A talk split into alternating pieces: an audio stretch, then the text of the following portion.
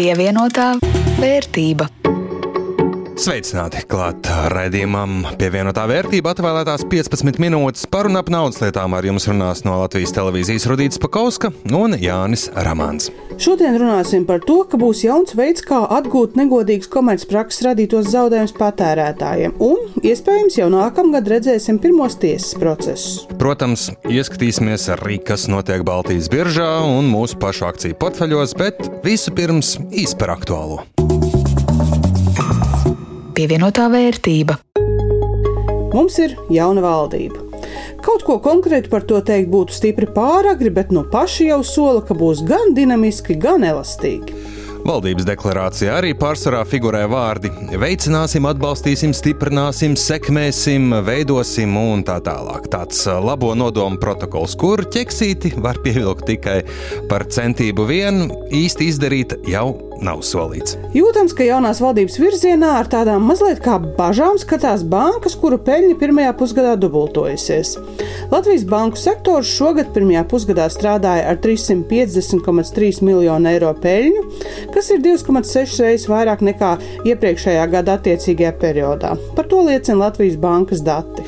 Finanšu ministrijas piedāvājums paredz noteikt bankām pienākumu veikt uzņēmuma ienākuma nodokļu maksājumu 20% apmērā par pirms taksācijas gadā gūto peļņu, neatkarīgi no tā, vai tiek veikta šīs peļņas sadale. Respektīvi, īsi izskaidrojot un vienkārši likt samaksāt nodokli avansā. Nu, izskatās, gan, ka šis piedāvājums ir no sērijas vilks paēdis, un valdība arī paliek dzīva. Bankas no prieka nelēkā, tomēr pārāk arī neiebilst. Samaksās to nodokli ātrāk, un valdība varēs visiem parādīt, kā tā tomēr kaut ko darīja. Atgādināšu, ka mūsu kaimiņi lietuvieši nolēma bankām piemērot papildu solidaritātes nodokli, jo to peļņas pieaugumu galvenokārt nodrošina kredītu procentu likmju kāpums. Jā, nu par to runājot, jau desmito reizi pēc kārtas Eiropas centrālā banka ir paaugstinājusi galveno bāzes procentu likmi. Tagad tā ir 4,5%. Jāteic, šoreiz tas bija visai negaidīts lēmums, jo lielākā daļa analītiķu sagaidīja, ka ar procentu likmju kāpumu Eiropas centrālā banka tomēr mazliet piebremzēs. Tās uh, vadība gan domā savādāk, un kārtībā reiz apliecināja, ka turpinās celt likmes, līdz izdosies savaldīt inflāciju. Nu, tas sava taisnība ir, jo līdz ko Eiropas centrālā banka paziņot, ka nu gan visas procentu likmes vairs necelsim, tirgus iespējams atvieglot uzelpot, ka sliktākais ir pāri un inflācijas dzirnavas iedarbinātu pilnā jaudā no jauna. Patēriņa cenu kāpums Eirozonā augustā saglabājās 5,3% apmērā, kas krietni pārsniedz ECB noteikto mērķi, proti 2%. Nē, nu, kredīti lētāk nepaliks, tas ir skaidrs.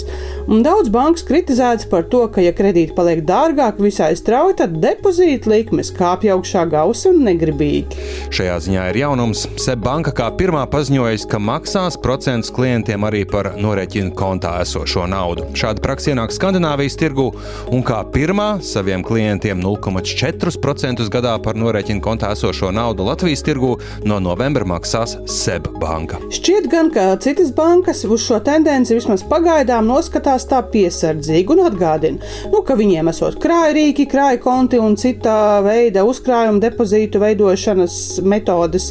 Bet, nu, ja klienti ļoti gribējušot, viņi visticamāk tā negribīgi, bet tomēr apdomāšot, varbūt jāmaksā arī par parasto norēķinu kontu. Eiropas komisija aizdītajā nedēļā nolēma atcelt aizliegumu Ukrainas graudu importam, kas bija ieviests piecās Eiropas Savienības dalību valstīs - Polijā, Ungārijā, Slovākijā, Rumānijā un Bulgārijā.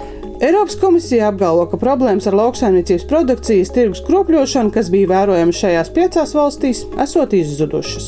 Tam gan jāteic, nepiekrīt pašas valstis. Polija, Ungārija un Slovākija jau paziņoja, ka nepakļausies Eiropas komisijas lēmumam un arī turpmāk neļaus ievest lauksaimniecības produktus no Ukrainas, tā cenšoties aizsargāt lauksaimniekus, kas importu vai no cenu kritumā vietējā tirgū.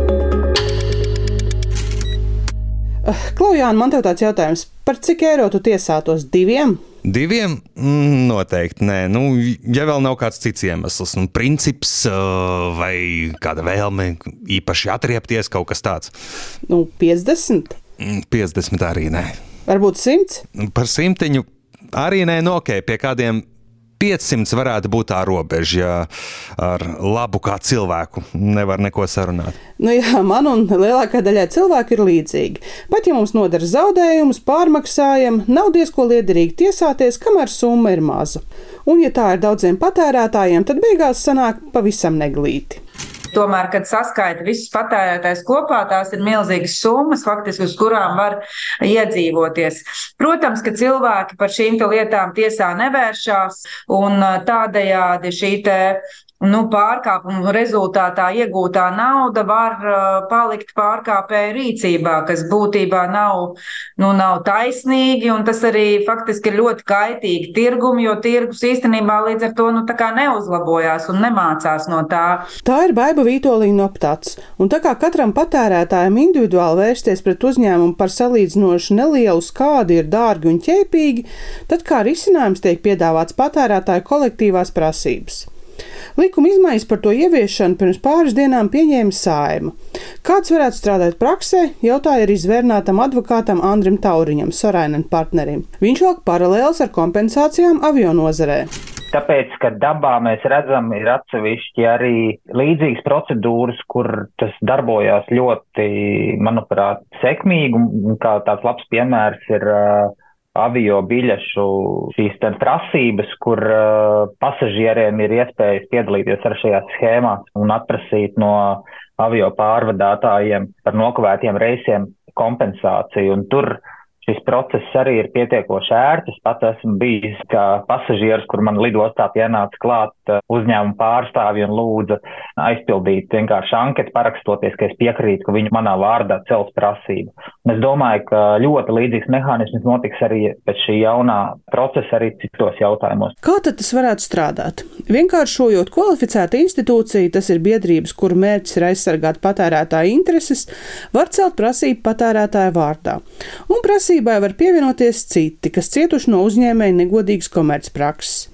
Kvalificētas institūcijas status nākotnē iegūt un panākt, ka uzņēmēji patērētājiem kompensē nodarītos zaudējumus, cer arī Patērētāju interešu aizstāvības asociācija. Turpina Andrejs Vanaks no šīs asociācijas. Tā problēma ir reāla arī Latvijā. Jā, tad, tad ja palasa tās pašas patērētāju tiesību aizsardzības centra, dažas preses relīzes, jā, viņi norāda tur uz dažreiz miljonus mēramiem zaudējumiem. Tad jautājums, kur tad tie zaudējumi paliek? Kur šobrīd viņi paliek pārkāpēja kabatā? Faktiski pārkāpēji lielākoties iedzīvojas uz tā rēķina un turpina to darīt. Tāpēc kaut kādiem mehānismiem ir jābūt. Jā, tos solis pareizajā virzienā tas ir. Tiesa viņš neskopojas ar kritiku, piemēram, par to, ka atšķirībā no citām valstīm Latvijā patērētājiem būs pašiem jāpiesakas, ka vēlas, lai viņiem nodarītos zaudējumus kompensētu. Citur visus cietušos tā teikt kompensācijas sarakstos ieraksta automātiski. Tas uh, mehānisms, kas ir paredzēts esošajā likumā, nu, viņš izvēlēts nu, jaunu šausmīgi konservatīvs, ļoti dārgietilpīgs, ļoti dārgs, ļoti neefektīvs, jā, kas pēc savas tās uzbūves visticamāk sasniegs ļoti mazu cilvēku skaitu arī. Citu valstu prakse rāda, ka tādi mehānismi kā mūsējais, nu, labākajā gadījumā sasniegs 10, varbūt 15% no visiem cietušajiem. Jā. Līdz ar to lielākā, absolūti lielākā daļa tā arī savas eh, kompensācijas nekad nesaņems. Kurās jomās varētu būt pirmās lietas? Patērētāja tiesība aizstāvi saka, iespējams, finanšu pakalpojumos. Nu, tipiskie veidi, teiksim tā, varētu būt kreditētājiem pārmērīgas procentu likmes, ja, kuras tika iekasētas neievērojot likumā noteiktus ierobežojumus, vai pārmērīgi liela līgumsodi, kurus iekasē daži komersanti, ja, un par ko patērēt tiesība aizsardzības centrs arī uzliek sodus. Kaut kādas tādas tipa lietas, tas, kas e, mums ir jau šobrīd.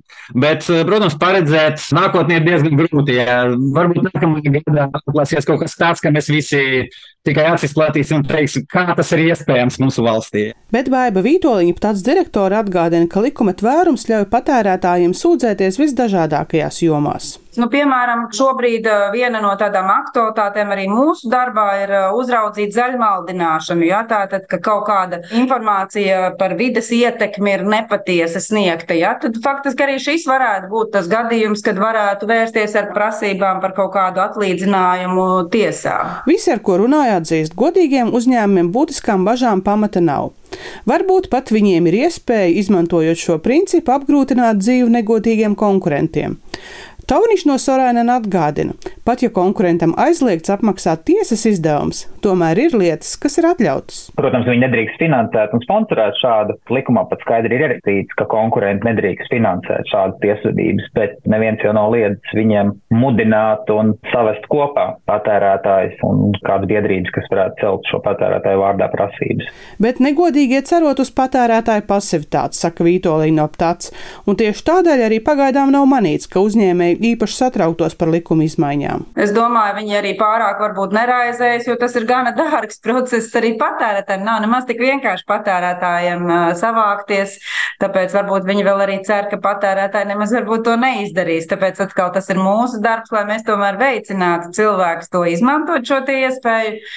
Jo, kā jau tas ir zināms no ekonomikas, tomēr ir ļoti svarīga tā patērētāja loma, kuru patērētājs diemžēl nevienmēr pilda. Mēs papukstam mazliet, ka mums nepatīk kādas cenas vai kāda komercprakse veikalā, bet mēs atkal ejam uz to veikalu un atkal pērkam. Ja, tad patērētāja loma būtu tomēr tāda, ka vajadzētu ar savu to maciņu arī ietekmēt. Tad, tad neiet uz veikaliem, kur jums kas nepatīk, pasakiet, kas jums nepatīk. Un, ja veikali jutīs, ka viņi zaudē klientus no savas rīcības, tad tas mainīsies. Un šis būtu līdzīgs faktiski arī tātad tomēr nepieļaut kaut kādas tādas darbības un parādīt. Situāciju varētu pamainīt tas, ka likums nu ļauj tiesas izdevumus apmaksāt trešajai personai.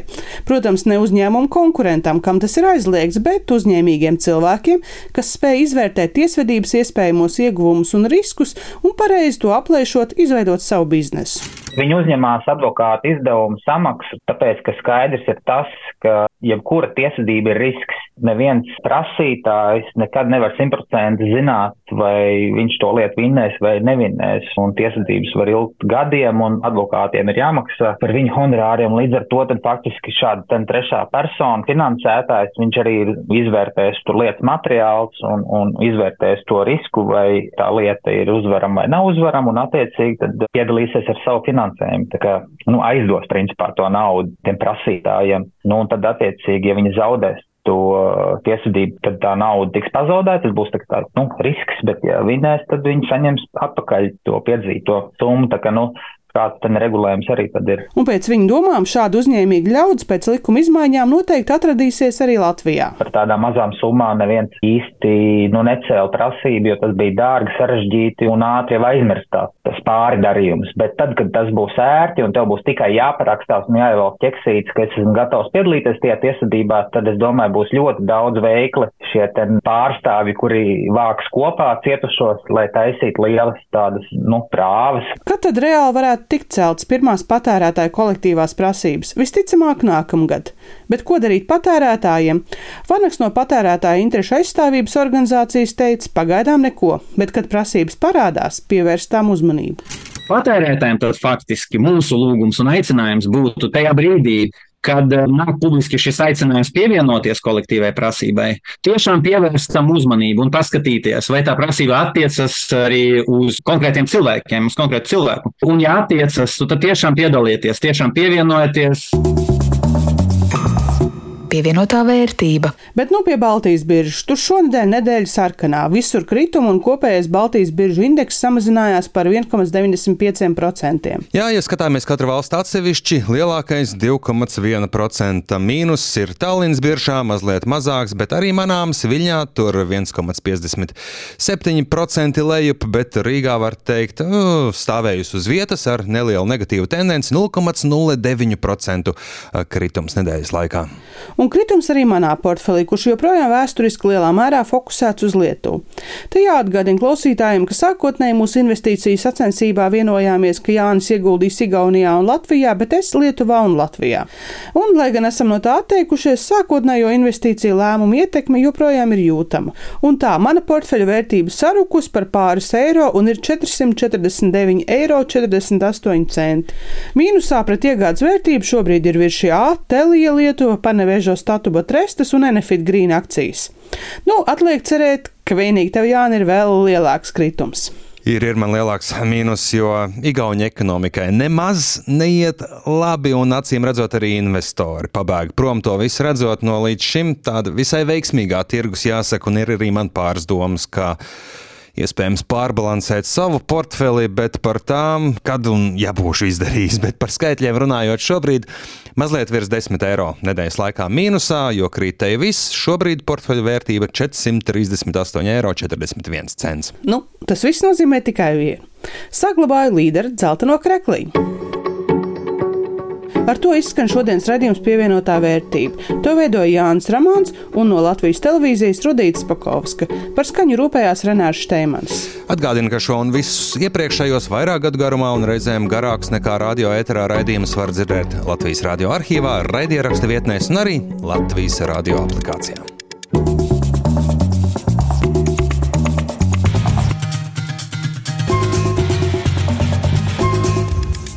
Pievienotā vērtība.